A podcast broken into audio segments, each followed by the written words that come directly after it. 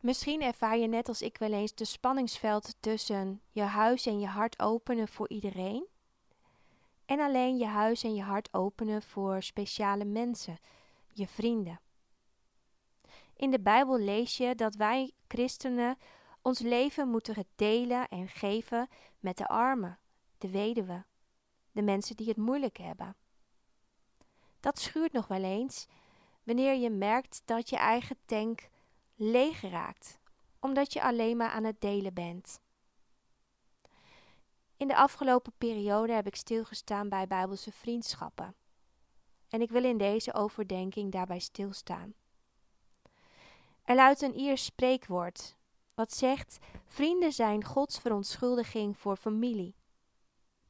Vrienden, broers en zussen zijn belangrijk. Vrienden raken elkaars hart.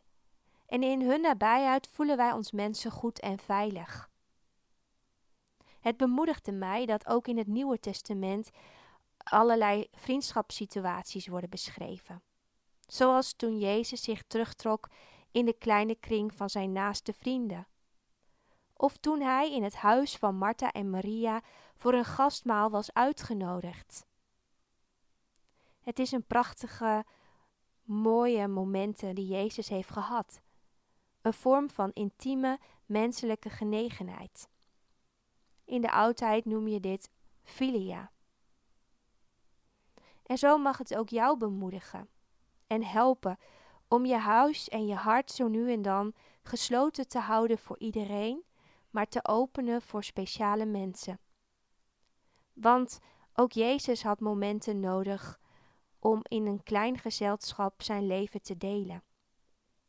Wij mensen hebben ook deze momenten van waardering en vriendschap en gastvrijheid nodig. Het zijn feestelijke momenten, kostbare momenten.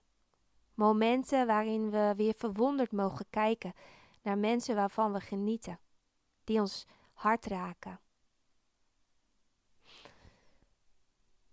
Het geeft je leven vreugde om lieve en gewaardeerde mensen uit te nodigen en gastvrij bij je binnen te laten. En daarom, broers en zussen, wil ik je ook aanmoedigen om te investeren in mensen die jou raken. Want zo wordt jouw tankje, die zo nu en dan leeg raakt, ook weer gevuld.